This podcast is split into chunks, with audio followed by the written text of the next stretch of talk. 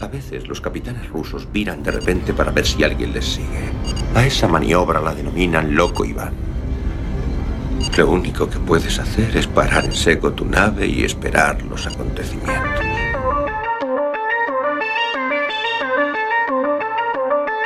Galasphere 347 of Space Patrol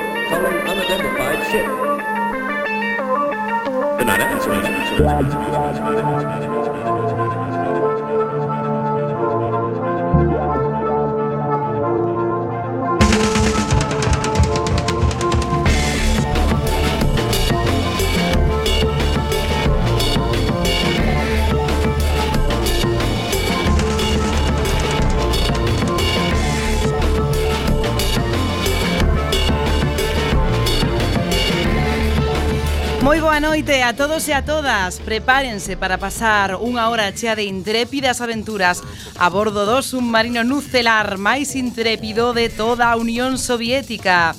Abrochen os cintos e póñanse cómodas. Hai ben poucos días que vivos de celebrar o Samaín esa xornada na que os e as adorables paganas celebran a fin do período das colleitas e o comezo da época escura época moi de contracontos, arquivos sobre trasnos, sobre meigas, sobre conxuros, cousas que adoitan ocorrer nalgúna das miles de casas encantadas que hai na nosa xeografía. Por iso esta noite, a salvo nun submarino que xa de por sí está inzado de espíritus penitentes, imos falar de casas encantadas. Teremos noticias, música, música e un contacontos lexendario. And wait for the security officer to verify your identity. Before exiting the train, be sure to check your area for personal belongings.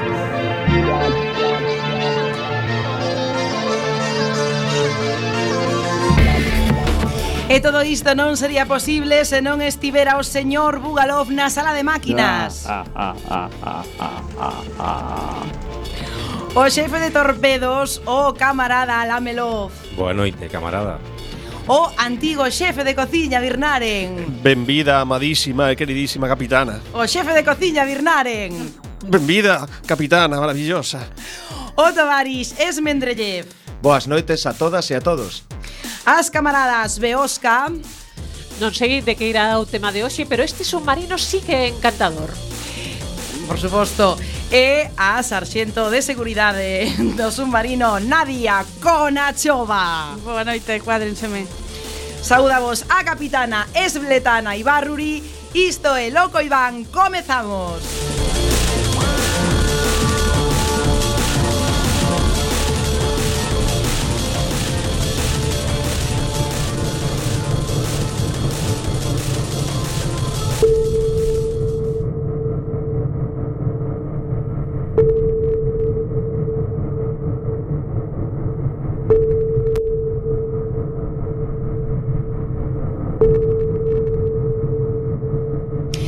a esta hora, ás 10 e 3 minutos da noite, imonos poñer en contacto con Cataluña para saber a última hora do que está a ocorrer ali na Diaconachova. Estamos facendo un envío especial a Bruxelas para controlar un pouco a situación no exilio do, do goberno. Pastor? No, era broma. Wow, eh, wow. Non vamos... Eso lle deixamos a Ferreras. Vamos a escoitar as noticias que non poideron coñecer esta semana debido a todo o proceso e debido a todas as bandeiras españolas que inundan eh, o, o povo en xeral. Eh, vamos a Riva Periscopio coas noticias que non entran nos medios convencionais. Música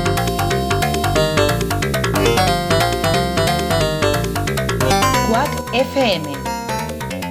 Loco Iván. Periscopio. Haberá un Spelunky 2. O videoxogo independente de aventura e acción creado por Derek Yu terá unha continuación, non se sabe cando, pero si sí onde. En PC e tamén en caixa de xoguete. No original, que era moi adictivo, manexabas a un espeleólogo que explora covas buscando tesouros e esquivando trampas, mentres que na segunda parte o protagonista será o seu fillo, que buscará tesouros nos restos de plástico do botellón.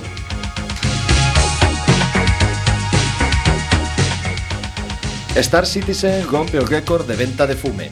O deste videoxogo de simulación espacial vai camiño de converterse na maior tomadura de pelo interplanetaria desde o FETO 2000. Levan recadados cerca de 150 millóns de sestercios mediante crowdfunding. E o único que fixeron sería ata de agora son vídeos pantagruélicos que din que son do xogo. Que é como se la Melov di que ten gastas. O sea, eu non digo que sea imposible, non, pero é improbable. O vídeo é moi chulo. Iso hai que, que coñecelo. Como dixo Lenin, a revolución será nos bares ou non será. Os bares son os templos universais, auténticos centros do universo e por iso, o estudio independente de Constring e de Volver Digital anunciaron un videoxogo que nos permitirá traballar nun bar dunha gran cidade ciberpunk. O videoxogo focalízase na narrativa e a relación das personaxes, todo dentro do bar. Sairá en xaneiro e para celebralo, imos sair de bares esta noite. ¡Oh! Ladrillazo, o xogo da burbulla inmobiliaria. Que tempos aqueles cando no país anteriormente coñecido como España construían máis vivendas que Alemania, Francia e Inglaterra xuntas. Construíron por enriba das vosas posibilidades ata ter unha burbulla máis grande que Siberia. E como toda burbulla, estoupou.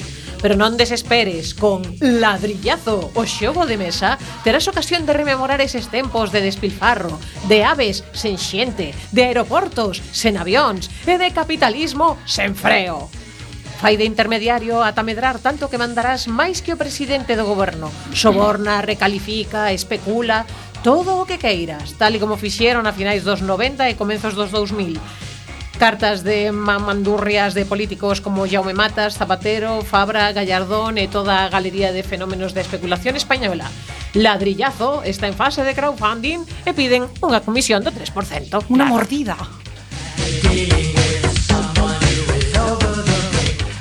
Todo o que vostede quería saber da morte e non se atreveu a preguntar.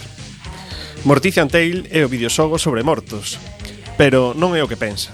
Trátase dun videoxogo de estrategia no que teremos que xestionar unha funeraria.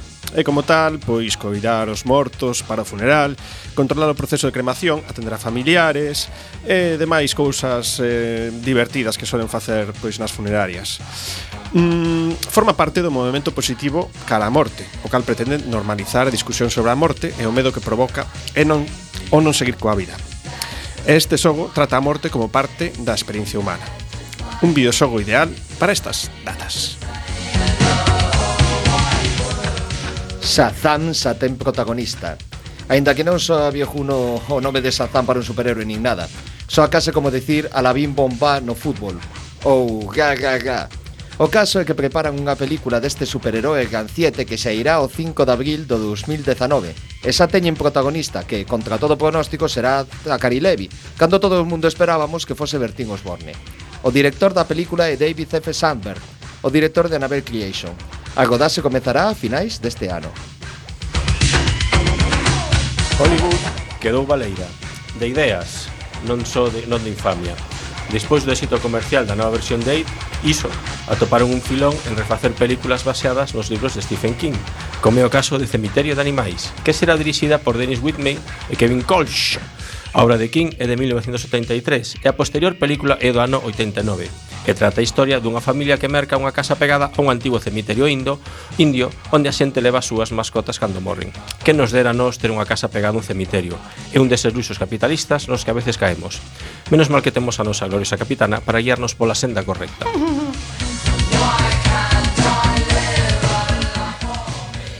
O arcade está morto Calma, non falamos do arcade de Soutomaior. Ai, ah, Falamos dos videoxogos inspirados nas recreativas dos 80s e os 90s, polo menos é o que din en Housemark, o estudio creador Mentira. de Next Máquina. Nun extenso comunicado onde explican que a pesar das boas críticas e premios recibidos que os seus xogos non venden abondo para pagar o custe de facelos así que van facer outras cousas máis centradas no multixogo mm, máis de moda agora o tempo dirá se fan ben.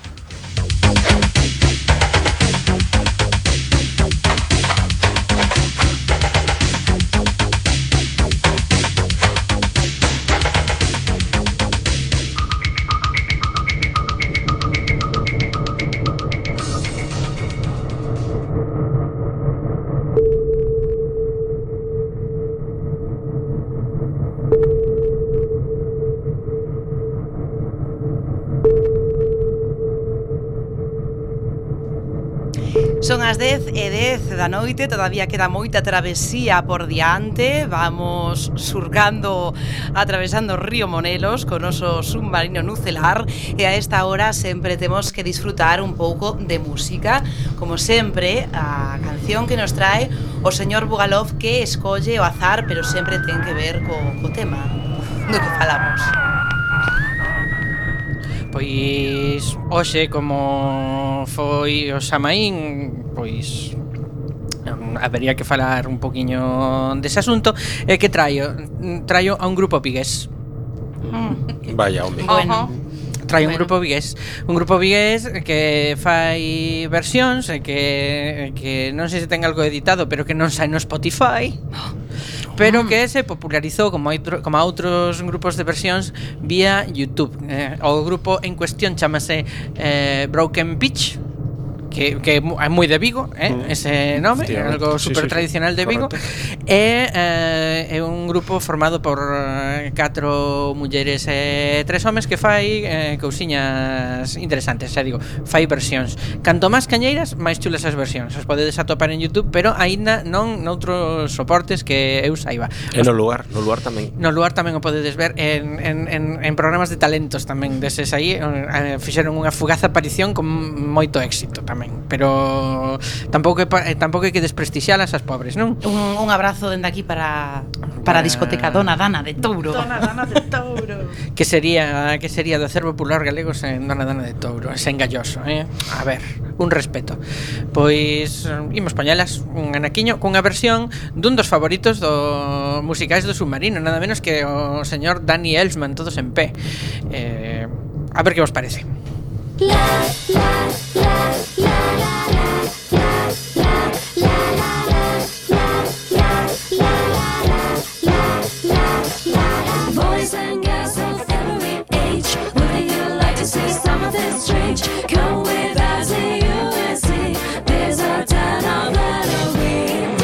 Halloween. This is Halloween. Punky street in the dead of night. death.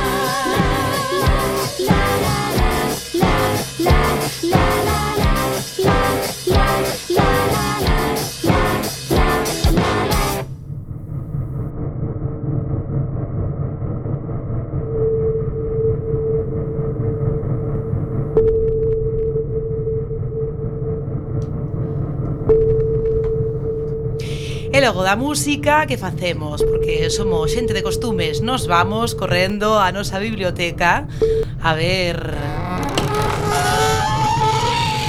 Como somos xente de costume Non é posible que na segunda temporada xa desta travesía eh, Ninguén poida botarlle, non sei, aceite ou algo. Unteina con butifarra, pero tampouco vai ben. Mm, Un con suflé.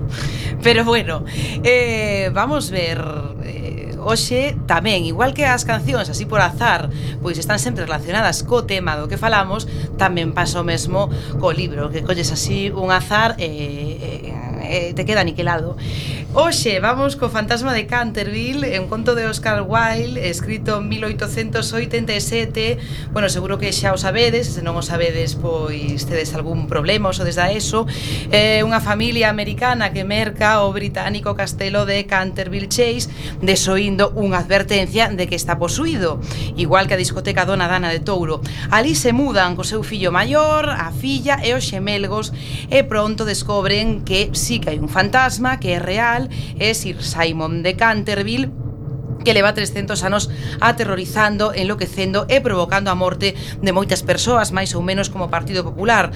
Mais o espírito ve a súa brillante carreira ectoplásmica posta a proba por unha pragmática familia que limpa as manchas do sangue con modernos deterxentes, eh, a parte que lle recomendan prácticos engraxadores para as súas bellas cadeas eh, e lle ofrecen incluso curas para esa indigestión que sen dúbida é a causa das horribles gargalladas. Eh, bueno, os xemelgos lle fan a vida imposible a este a este pobre home, a este pobre fantasma, e a única que parece que o comprende é Virxinia, unha encantadora filla teenager. Vamos a escoitar esta recreación onde, como non podía ser de outra forma, o, o fantasma vai ser interpretado por o xefe de cociña Birnaren. Bravo! Que era unha ovación moi cerrada.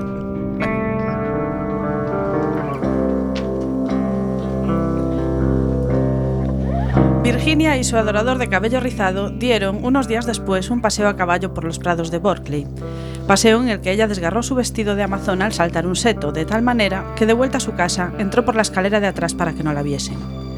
Al pasar corriendo por delante de la puerta del salón de tapices, que estaba abierta de par en par, le pareció ver a alguien dentro. Pensó que sería la doncella de su madre, que iba con frecuencia a trabajar a esa habitación. Asomó la cabeza para encargarle que le cosiese el vestido, pero con gran sorpresa suya, quien allí estaba era el fantasma de Canterville en persona. Se había acomodado ante la ventana, contemplando el oro llameante de los árboles amarillentos que revoloteaban por el aire, las hojas enrojecidas que bailaban locamente a lo largo de la gran avenida. Tenía la cabeza apoyada en una mano y toda su actitud revelaba el desaliento más profundo. Realmente presentaba un aspecto tan abrumado, tan abatido, que la pequeña Virginia, en vez de ceder a su primer impulso, que fue echar a correr y encerrarse en su cuarto, se sintió llena de compasión y tomó el partido de ir a consolarlo. Tenía la muchacha un paso tan ligero y él una melancolía tan honda que no se dio cuenta de su presencia hasta que le habló. Lo he sentido mucho por usted, pero mis hermanos mañana regresan a Eton y entonces, si se porta usted bien, nadie lo atormentará. Es inconcebible pedirme que me porte bien. Perfectamente inconcebible. Es necesario que yo sacuda mis cadenas, que gruña por los agujeros de las cerraduras y que corretee de noche. ¿Eso es lo que llama usted portarse mal? No tengo otra razón de ser. Esa no es una razón de ser. En sus tiempos fue usted muy malo, ¿sabe? La señora Jamie nos dijo el día que llegamos que usted mató a su esposa. Sí, eh, sí, lo reconozco. Eh, pero era un asunto de familia y nadie tenía que meterse. Está muy mal matar a nadie. Dijo Virginia, que a veces adoptaba un bonito gesto de gravedad puritana, heredado quizás de algún antepasado venido de Nueva Inglaterra. Oh, no puedo sufrir la severidad barata de la moral abstracta. Mi mujer era feísima. No alminodaba nunca lo bastante mis puños y no sabía nada de cocina. Mire usted, un día había yo cazado un soberbio ciervo en los bosques de Hoxley, un hermoso macho de dos años. Pues no, no puede usted figurarse cómo me lo sirvió. Pero, eh, en fin, dejemos esto, es un asunto liquidado. Y no encuentro nada bien que sus hermanos me dejasen morir de hambre, aunque yo la matase. Que lo dejaran morir de hambre. Oh, señor fantasma. Eh, Don Simón, quiero decir, ¿es que tiene usted hambre? Hay un sándwich en mi costurero. ¿Le gustaría? No, gracias. Ahora ya no como. Pero de todos modos, lo encuentro amabilísimo de su parte. Es usted bastante más atenta que el resto de la horrible, arisca, ordinaria y ladrona familia. ¡Basta! El arisco, el horrible y el ordinario es usted. En cuanto a lo de ladrón, bien sabe usted que me ha robado mis colores de la caja de pinturas para restaurar esa ridícula mancha de sangre en la biblioteca. Empezó usted por coger todos mis rojos, incluso el vermellón, imposibilitándome para pintar puestas de sol. Después agarra usted el verde esmeralda y el amarillo cromo. Y finalmente solo me quedan el añil y el blanco. Así es que ahora no puedo hacer más que claros de luna, queda grima ver, e incomodísimos, además de colorear. Y no le he acusado, aun estando fastidiada, y a pesar de que todas esas cosas son completamente ridículas. ¿Se ha visto alguna vez sangre color verde esmeralda? Vamos a ver, ¿qué iba yo a hacer?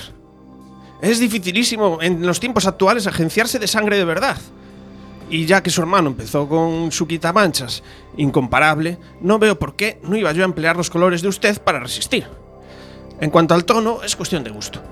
Así, por ejemplo, los Canterville tienen sangre azul, la sangre más azul que existe en Inglaterra. Aunque ya sé que ustedes, los norteamericanos, no hacen el menor caso a esas cosas. No sabe usted nada, y lo mejor que puede hacer es emigrar, y así se formará idea de algo. Mi padre tendrá un verdadero gusto en proporcionarle un pasaje gratuito, y aunque haya fuertes impuestos sobre los espíritus, no le pondrán dificultades en la aduana. Y una vez en Nueva York puede usted contar con un gran éxito. Conozco infinidad de personas que darían 100 mil dólares por tener antepasados y que sacrificarían mayor cantidad aún por tener un fantasma para la familia. Nah, creo que no me divertiría mucho en Estados Unidos. Quizás se deba a que allí no tenemos ni ruinas ni curiosidades. ¿Qué curiosidades ni qué ruinas? Tienen ustedes su marina y sus modales. Buenas noches. Voy a pedir a papá que conceda a los gemelos una semana más de vacaciones. No se vaya. Señorita Virginia, se lo suplico. Estoy tan solo y soy tan desgraciado. No sé qué hacer. Quisiera acostarme y no puedo. Pues es inconcebible, no tiene usted más que meterse en la cama y apagar la luz. Algunas veces es dificilísimo permanecer despierto, sobre todo en una iglesia, pero en cambio dormir es muy sencillo. Ya ve usted, los gemelos saben dormir admirablemente y no son de los más listos. Hace 300 años que no duermo. Dijo el anciano tristemente, haciendo que Virginia abriese mucho sus hermosos ojos azules, llenos de asombro. Hace ya 300 años que no duermo, así que eh, me siento cansadísimo.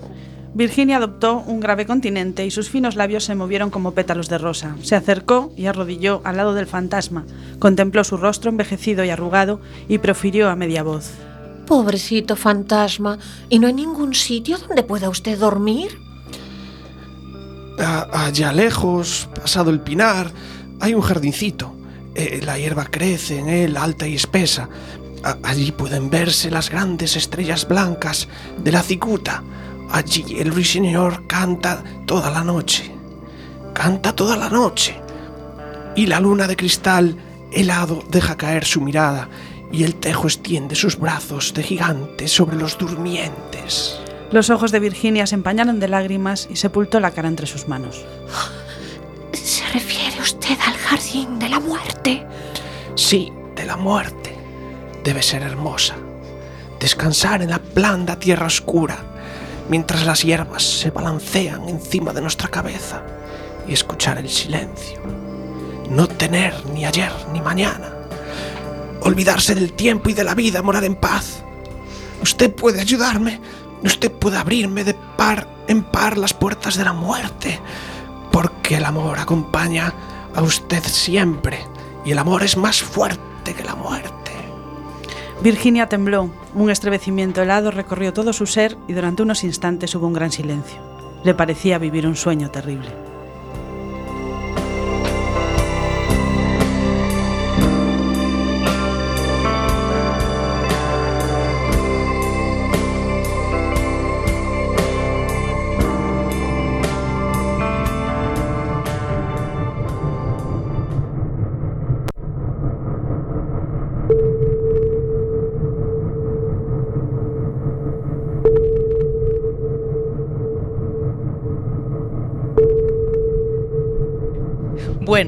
eu teño que pedir unha cerrada ovación, porque antes non se poido escoitar, para o xefe de cociña Birnaren, porque é unha piedra dura de chipiona que non se pode aguantar.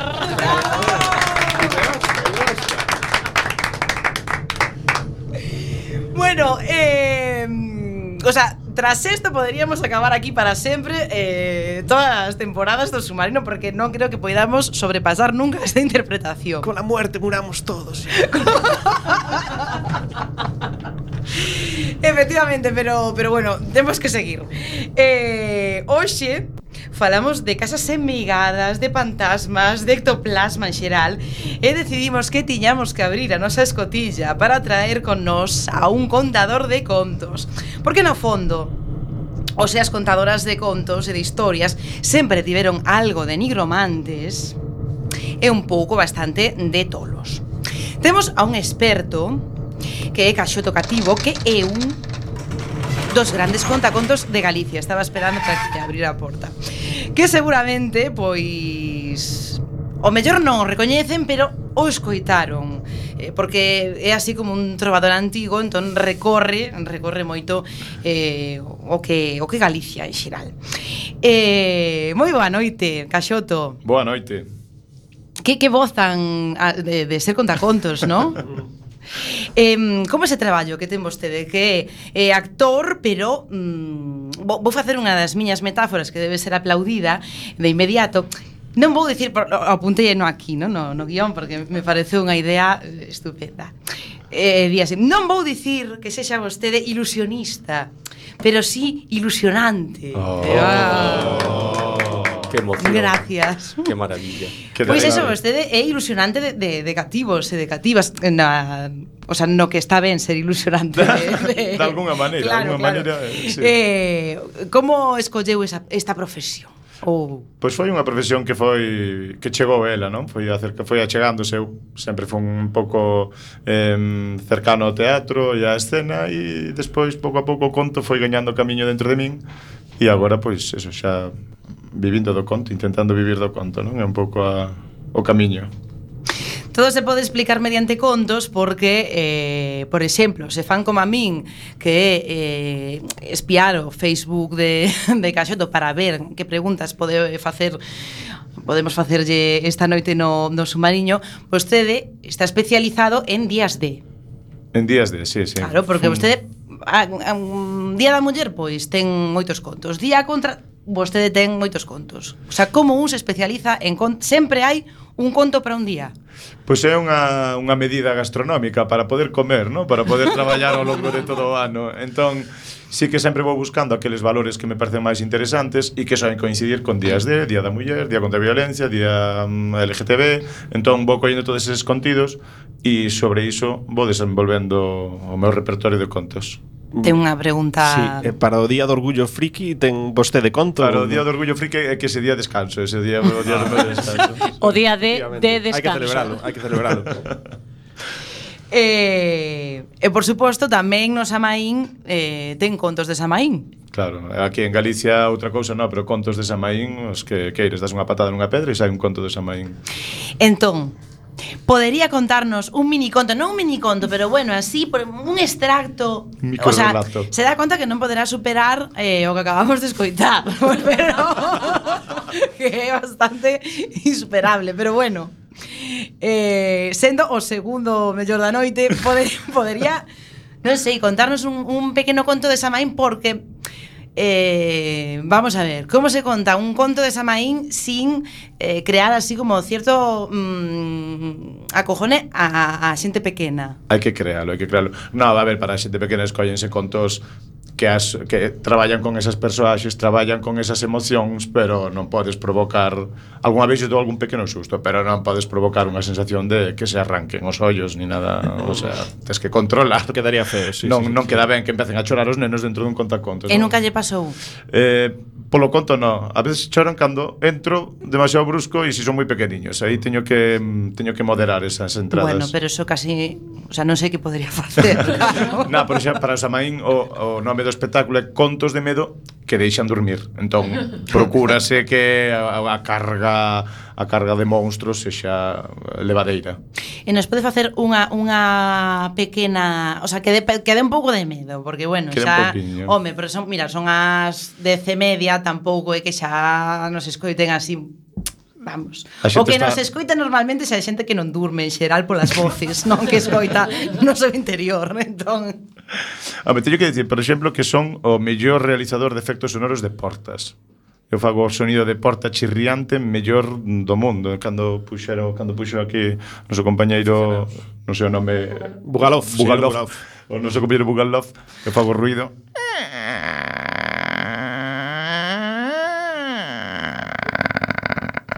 Bueno, é a segunda mellor porta da noite. Señor Bugalo, como se pode? Non poderei superar isto nunca. Non? Pero, Pero a ver, nos vai aquí algo. Un conto, a ver, pois... Eh, claro, eu os meus contos, ademais, eu son bastante eh, verborreico, entón son, son durar máis de 15 minutos, entón intentarei resumir este. Claro, así en tres ou... Así... en dous, vai, se vai en dous. É a historia dun neno, dun neno que nace e que non coñece o medo é unha persoa que non ten medo, entón o medo é un, é un instinto, é unha emoción de supervivencia que nós precisamos para aprender, para coñecer, para eh, cuidarnos dos perigos e ese neno non ten ese, ese, esa emoción, non coñece esa experiencia. Entón eh, eh un día aparece na casa con dúas serpes na man e non, non entende que iso pode ser perigoso outra noite aparece dormindo no cubil dun lobo e el vai medrando e el non é consciente de que non ten medo pero é consciente de que os demais si o teñen e el quere vivir esa experiencia. Todos temos necesidade de coñecer esas emocións, vivilas, sentilas, e el non sinte o que é o medo. Entón, según van pasando os meses e os anos, faise maior e el quere coñecer esa sensación. E cando xa é un mozote así xa con, con anos, con, con bigotiño, escoita decir que o medo máis grande é o medo a morrer e el decide marchar ao encontro da morte.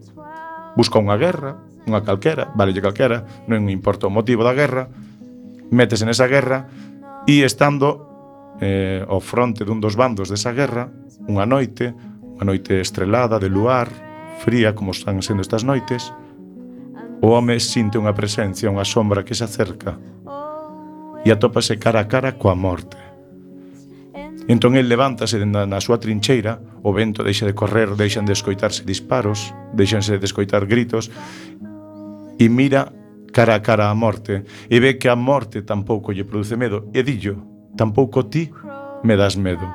Entón a morte eso sentelle un pouco mal porque a morte pff, está acostumada a que a xente se, se arrodillen a xeonllen diante del. Entón a morte por un momento quere leválo consigo, pero depois outro ten curiosidade e esa noite coñécense, falan, o home conta a súa historia, conta a súa falta de medo, a morte conta historias de morte, historias de vidas, historias de morte e acaban a noite como amigos e cando amence ten que marchar a morte pero concedelle un desexo e o desexo que pide ele é que cando vai a morrer, sexa cando sexa que o avise con antelación. E así quedan, despídense, a morte concede, yo despídese E o mozo volta para a súa casa Casa, ten familia, coida as súas terras Faise maior, van pasando os anos e a xente dille Pero ti, cando xa vai maior, ti non terás que ir preparando eh, facendo a, repartindo as herdanzas e preparándote para a morte porque eres maior, calquera, a xente é cruel, a xente é cruel. E mm, e el, el non, el ten xa claro que vai facer.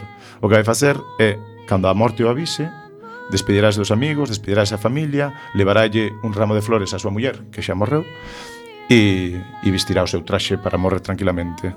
E unha noite alguén peta na porta, pum, pum, pum, e el abre a porta, cuidado.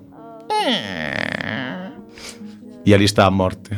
E aínda que fai moito tempo que non se ven, dende aquela trincheira, recoñécense nestas amistades que xorden cando un leva moito tempo sin verse, e saúdanse, e dille que ves avisarme de que pronto vou morrer, e dille, no, veño a levarte comigo. Xa chegou a túa hora. E el dille, pero ti dache má palabra de que de que me avisarías con tempo. E entón a morte falle catro preguntas. Acaso non perdiche a forza nas pernas? E el contesta así. Acaso non o pelo non tornou branco e non che caeu? Si, sí, é certo. Acaso non perdiche parte dos dentes? Si. Sí. Entón, e esta é a cuarta pregunta máis terrible, que máis avisos querrías? E o home mira para atrás, mira para a súa casa, ve todo o seu pasado, toda a súa historia, a casa dos seus pais, dase conta que non podrá despedirse da súa familia, dos seus amigos, que non podrá ir levarlle unhas flores á muller ao cemiterio, que non podrá vestir o traxe novo. E ali mesmo a morte o leva E o día seguinte a xente atopa o cadáver do velliño na porta da súa casa e todos din e xuran que nos seus ollos non collían nin un chisco máis de medo.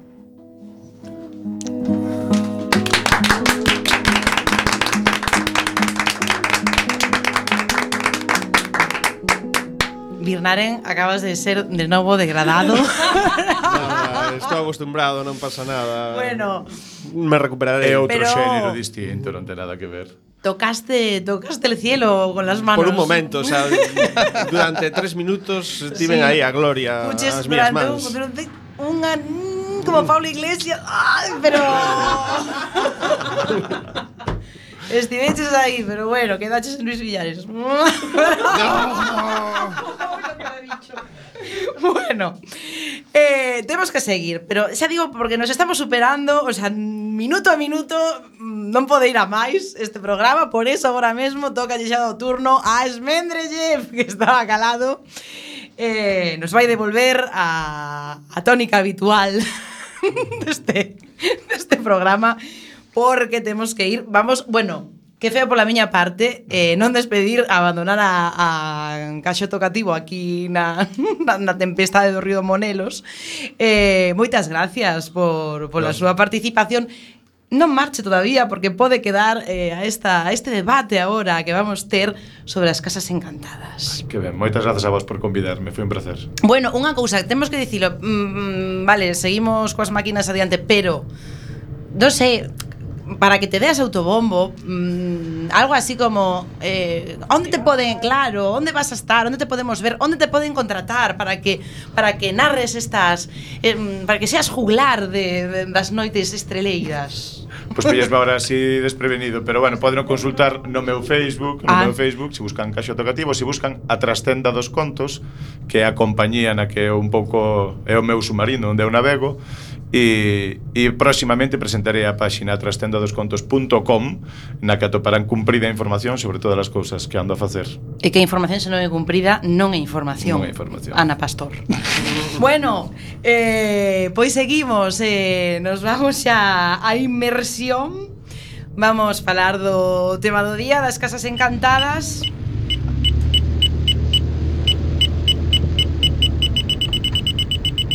Ah! É o sonido que precede os señores Mendeleev Bueno, pois nada, eh, como eu penso que xa se falara logo moito de, de películas e de videoxogos, eu quise me ir o máis bello que podía. Así que vou pedir un momento aquí a compañeira Beosca, que lee moi ben e con moita pasión, que lee un pequeno fragmentiño. Había un pouco de claridade lunar, Yo miré con cautela hacia el balcón y quedé sobresaltado. Se me cayó la espada de la mano. ¡Señor! Distinguí perfectamente al capitán Don Juan de espalda. Llevaba su peto, su casco, sus botas y su tizona. Marchaba majestuosamente, como si se paseara a lo largo del balcón. ¿Cuántas veces en vida le vi recrearse así? No era una sombra, era la realidad. Bueno, pois este fragmentiño que acaba de ler a compañeira Beosca vende dunha historia chamada La Casa Encantada. Está basada nunha, lenta por, nunha lenda portuguiqueña de 1524 e foi transcrita por Cayetano Colitoste, que eu non sabía quen era, pero digo bolo agora. É un eh, poeta e historiador portuguiqueño, lectura obligatoria en Porto Rico, que viviu entre 1850 e 1930, que ademais foi ministro, unha persoa moi culta, o sea, igual que os ministros daqui, non? Alguén, alguén que merecía estar seguramente eh, nese nese, nese Ten nome así como de personaxe de TVO de posguerra, non? Cayetano sí, Politoste. De preguerra, porque o pobo que se morreu no 1930 non, non chegou. Mm. Por fortuna, tal vez, a saber nada deso. Pero bueno, simplemente o que quería era deixar claro, non? Que xa nese momento o concepto de casa encantada pois xa tiña todos os elementos que verían despois, non? Pois un espectro que aparece no balcón, a xente que lle ten medo, o cuidador da casa que non se atreve a ir, etcétera, etcétera, etcétera. Mais eh, penso que podo mencionar outro algunha que outra novela que o, o curmen, por así decirlo, do, do xénero, que logo a partir de aí, pois, só foi máis versións do mesmo. Se me podes axudar, camarada Bugalov? Recuerdo que mi espíritu, tras aceptar encargarme de la educación de dos niños, tuvo una serie de altibajos. En Londres, durante dos días, lo pasé mal. Estaba muy intranquila. Dudaba, pese a haber dicho que sí, al ofrecimiento del tío de aquellos niños. Creo que en el fondo Estaba convencida de haber cometido un error. Un gran error. Bueno, pois este fragmentiño de Turn of the Screw, traducido ao español como outra vuelta de tuerca, non me atrevo a dicilo en galego. Porque... No, porque esa es claro, porque eu aquí estou lendo o teu guión que pon outra volta de porca. Home, en galego como Dios manda sería así, non? Entón, bueno, eu non sei se era porca ou limpa, pero a mulleriña que lle toca facer o no, papel desta por novela... Favor, el hormiguero de nuevo. bueno, o caso, é unha novela moi moi coñecida, publicada no 1898, eh, é de Henry James, E bueno, De pronto xa existían aí todos os elementos modernos do concepto da casa encantada, non? Hai un institutriz que chega ao cuidado de dous fillos dunha bella mansión victoriana, o que inicialmente parece unha tarefa agradable e leva a unha situación de pesadelo porque os nenos están traumatizados por o pasado inmediato que viveron, no que as gobernanta eh, a señorita Jessel e Peter Quint, o criado e mecenas do patrón, eh, mantiveron unha relación escandalosa, e aparte, inda que o ser da época é moito de entre liñas, supónse que se producían abusos, posiblemente a un dos rapaces tamén, é un pouco como Guttering Heights, non? Eh, cumpres vos cosas, que parece que non di nada, pero se les entre liñas aí pasan cousas de carallo. Pois de deso vai a novela, está moi ben. O bonito desta novela, sobre todo, é que ela, según se vai metendo na historia, pois eh, ten experiencias que poderían ser tomadas por como sobrenaturais, pero, sen embargo, eh, dentro desa historia pois moi fortemente sexualizada eh, pois para o que era a época moi, moi forte non? E moi moi transgresora nunca se sabe se a muller realmente ve fantasmas ou se simplemente está como unhas maracas. Ah, eh, pero bueno. sei que estabas facendo spoiler, pero xa o fixo Amenábar, o sea que tampouco pasa nada. É unha lectura moi recomendable. Non vamos facer spoiler da Amenábar, o mellor hai alguén que ainda non viu esa, esa película. E bueno, e outra cousiña que quería comentar tamén, se me asudo camarada Bugalov. Pinto, Borgorito, saca la mano de 25, en que lugar en Portugal, en qué calleja la moraleja esconde la mano que viene la vieja. O xeo borda, é eh, o camaravirna del. gracias, gracias. Bueno, pois pues nada, esta canción que eu penso que coñecemos todos, simplemente a poño para ver como aparecen realmente as historias de fantasmas. Non, esta está basada nunha canción un pouco máis antigua que sería algo así. En la calle de la princesa vive una vieja marquesa con su hija Margot. A quien la mano cortó Moraleja, moraleja Esconde la mano que viene la vieja Bueno, Eh, que ya me acuerdo que esto salía en el caso. Hombre, en el caso, y vamos, tiene por lo menos dos especiales del cuarto milenio, que los escuché yo en el coche, ahí cuando lo ponían por la radio. Y nada, pues simplemente en enero, en xaneiro de 1954, no número de 72 da Rúa Princesa, Eh, houve un evento que provocou que un rapaz chamado Selio, fillo do Marqués de Vilasante, fora un suiz a denunciar que doña Margarita Guliz de Liroe Gesino, unha muller de 67 anos de, de idade, eh, pois que adoitaba ter mascotas para cortarlles cachos. O xuiz dixolle basicamente que, bueno, que eso de maltratar os animais todavía non era delito neses anos, non? No, Dixo, máis adiante, sí, a condenarei, pero por agora máis adelante no. foi, por agora non a podo condenar. E dixo, bueno, claro, pero es que acaba de morrer a miña irmá estalle facendo o mesmo. Ai, bueno. O asunto iba desto, non?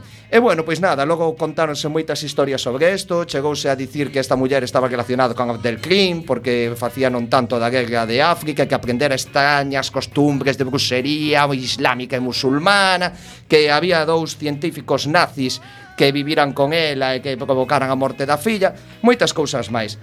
Simplemente, sabedes que para Iker Jiménez dicir como se van eh, acuñando as lendas e que posiblemente dentro dunhas décadas aparece unha película sobre isto ou calquer outra historia. Sin máis, así aparecen as historias de fantasmas. Unha paridolia. Paridolia. Frica.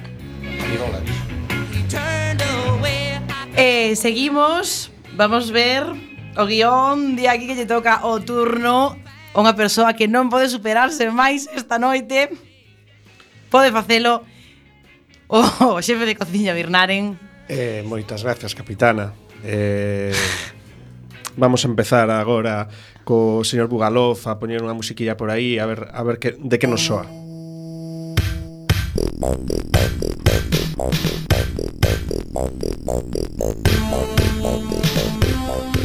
Vale, probablemente non lle soará ninguén esta música, porque é dun, de unha aventura gráfica de 1992, xa choveu, chamada Dark Sheet, Eh, bueno, é eh, unha aventura gráfica desas de point and click que se fixeron tan famosas nos anos 90, pero que si nos sonará é, eh, digamos que a peculiaridade que ten este este xogo que vai dunha casa encantada que mm, digamos que todo o entorno gráfico está feito por Hans Rudolf, eh, tamén coñecido como HR, H.R. Giger, que creo que o señor Bugalov ten algo que contarnos deste, deste home.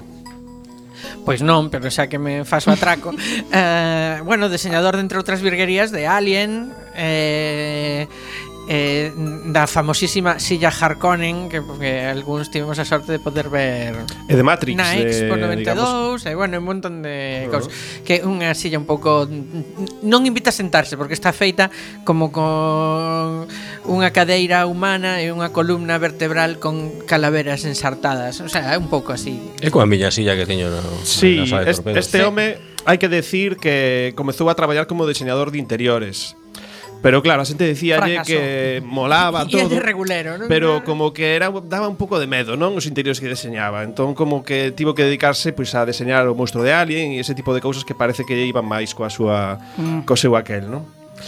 Eh, pasamos a outro xogo tamén de 1992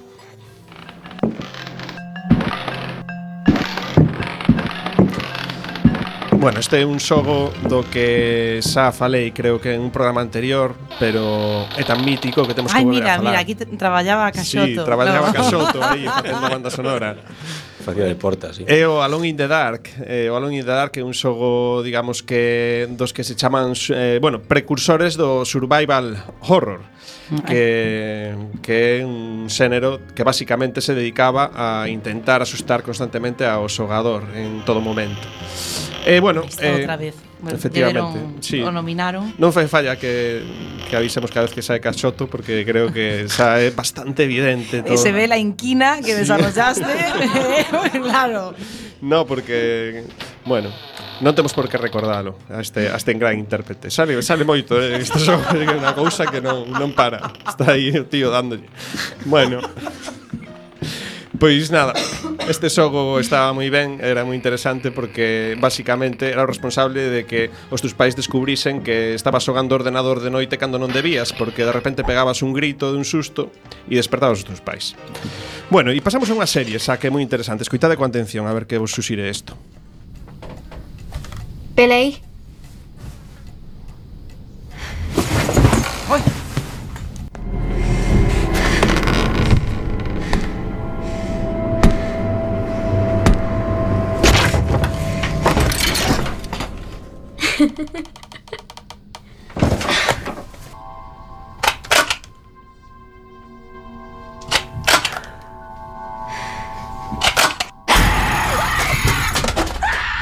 Bueno, eh, nada, xa é, é moi breve, unha serie baseada eh, en un poltergeist, eh, poltergeist. Poltergeist. Nun, nun postre gay postre. Eh, era en el Puticlus, eh, un postre gay que, que había. Rozó de nuevo, rozó de nuevo. no. Pero. Eh, non, a ver, eh, é un a ver como era Poltergeist que, que sucede entre 1977 e 1979 que está baseado tamén en un libro. Bueno, unha serie, unha miniserie de tres episodios de Enfield Houghton que recomendo ver a, a todo mundo porque bueno, é bastante inquietante e moi E hai unha, unha película de fai pouco, ¿no? De, Sí, do 2001 creo que No. Ah, non. Yo creo que no, yo no, no, no me refiero era, a eso. era do seguinte que iba a, iba a Ah, falar, bueno, pero perdón. Ah, no, no. No, Allí nadie molestará a Ya no nuestros puedo. hijos. Lo único que se mueve aquí es Sí, la luz. no- unha luz e tal, e non se podía ver a luz e todo eso. Está, está moi ben o rollo este. de, de que va. Supoño que todo o mundo sabe de que estamos claro, hablando, ¿no? No, no, no, na, no sei quen o sabe.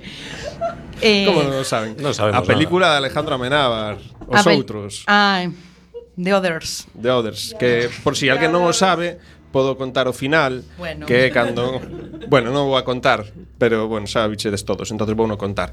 O final cando, bueno, non, non conto, veña. Eu non a vin. Vai o seguinte. Bueno, eh, os outros está moi ben, The Others and The Other Ones The other... e esta, esa outra xente que, que bueno que é unha, é unha peli que, que non está mal, a verdade. Bueno, pues, Se a dirixir a Casoto estaría esta, mellor, pero... Esta reflexión, vamos, é... Eh... É que aquí está o señor Lamelov é con unha tesoira cortándome o, o rollo e entón pues, cortando o pelo porque a cousa sí, non vou cortar. Tampouco moito, pero bueno. Entón, pois, damos paso a Beosca que ten cousas máis interesantes que decir que pero que es, no, pero Como non? Ah, Ahora non son capitana eu. Teño, pero toca No. ya la melov. Aquí está, ben- está marcado no guion que está escrito en pelumana eh, que lle toca a, ao camarada Lamelov. O sea, vamos. Bueno, Lamelov, vaya Lamelov. Eu sempre entro así de forte cando entro na casa entro, así, entro arrasando Bueno, casas encantadas Eu sempre quixen vivir nunha non? Porque a mí, non sei, sempre soñei con vivir nunha, nunha bueno, casa encantada Estiveches nun gulag moitos anos, tampouco Sí, sí pero estaba encantado Eu realmente claro. quería ter unha casa encantado pegada Encantado ou estabas ti encantado? Como eu era? estaba encantado de estar no gulag ah. E quería ter unha casa pegada ao gulag para que, bueno, pois pues, en vez de cementerio indio son máis de, de gulag, xa sabedes. Bueno, a ver, as, as casas encantadas son Buah, protagonistas de del norte. Aí este momento. Qué bueno. Momento cuñadío. non o fixera todavía, hoxe. Imos falar de Escasas Encantadas, algúns xogos I can hear you breathing. Nobody here in the cradle does that anymore. How did you get in? My name is Laurel. Ben, este é un corte de, do videoxogo Thief 3 Que non é un videoxogo de, de medo Pero ten un escenario que se chama The Cradle De Shal Bridge Cradle que consiste, bueno, pues en un manicomio que ten certa acento parecido co, co edificio do antigo cárcere aquí de Coruña, por certo, no que digamos que a sensación, a ambientación que ten todas es, eh, é perfectamente diseñadas para meter medo é unha pasada. E o curioso é que non é un videoxogo de, de medo, non? É un dos mellores, eh, digamos, niveis que se fixo, pois penso que nun, nun videoxogo, tamén nun videoxogo que non está que non está nada mal. Porque a ti moito te gusta este videoxogo, porque falas del sempre. A saga sí, enteira, sí. Os días. Ben, este é outro videoxogo tamén dos que máis me gustaban moito que é Vampire Bloodlines que tamén falamos algunha ocasión, creo que no primeiro programa eh, daquela. É o escenario de Ocean Hotel que tamén está pensado eh, para, bueno, para dar medo sen máis, sen ter que matar a ninguén simplemente pensando pois, o, que, o que pode pasar. Eh, o curioso é que din que está inspirado na 112 Ocean Avenue unha casa en Long Island onde Ronald DeFeo Jr. asasinou a súa familia. Unha traxedia que inspirou a película Terror en Amityville. Este Ay, nivel, sí. sí. lembra, pues este videoxogo, digamos, ese nivel inspiras en esa Hai un montón eh, de películas ademais, non? De de sí, o caso sí. de Amityville. Efectivamente. No, stay. Don't leave again. Ben, xa para rematar, é uns dos videoxogos que máis medo producen que Amnesia de Dark Descent que eu reto a todo mundo que o xogue de noite eh, coa luz eh, apagada e eh, con cascos porque en, en eh, bueno, digamos que todo que ten estes dous niveis dos que falei do Sean Hotel e de, de Cif 3 do Cratville pois eh, todo xunto nun videoxogo inteiro inspirado pois tamén en, en Lovecraft. Ah,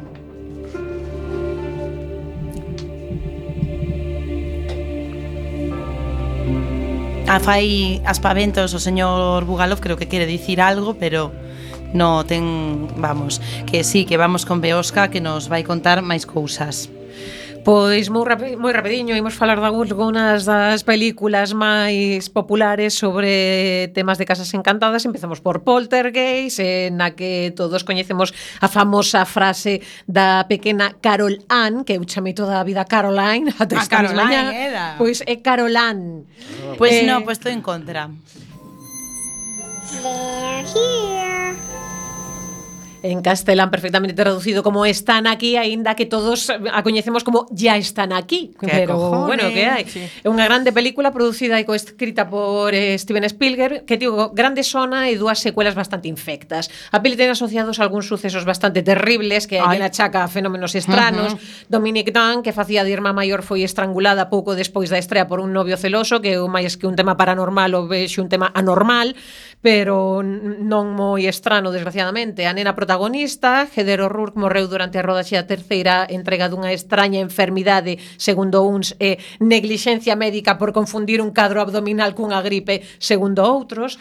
Julian Beck, que facía de Ken na segunda entrega, morreu de cáncer de estómago antes de finalizar a rodaxe, de aí ese aspecto cadavérico que tiña, se viste esa segunda película, non precisaba moita maquillaxe o pobre. E Will Samson Will Samson que estivo tamén na segunda entrega e que lembra de descoma o indio amigo do prota de Alguén voló sobre el nido del cuco eh, morreu ano seguinte por problemas renais e eh, cousa curiosa din que este home durante a rodaxe ia pola noite a facer rituais xa que se rodaba en cemiterios indios de verdade. Eh, xa para rematar imos falar de O Resplandor que xa tamén coñecemos todos de Stanley Kubrick baseada no libro homónimo eh, e no que Jack Nicholson eh, facendo o seu personaxe de Jack Torrance nos regala con esta frase que todos conocemos. Here's Johnny! Here's Johnny foi idea de Jack Nicholson facer esta frase e facía referencia ao comenzado ao comezo do programa de Johnny Carson. Como en España non tiñamos esa referencia, traducirse como Aquí está Jack. Hai que decir que a versión doblada perde mucho porque Moito.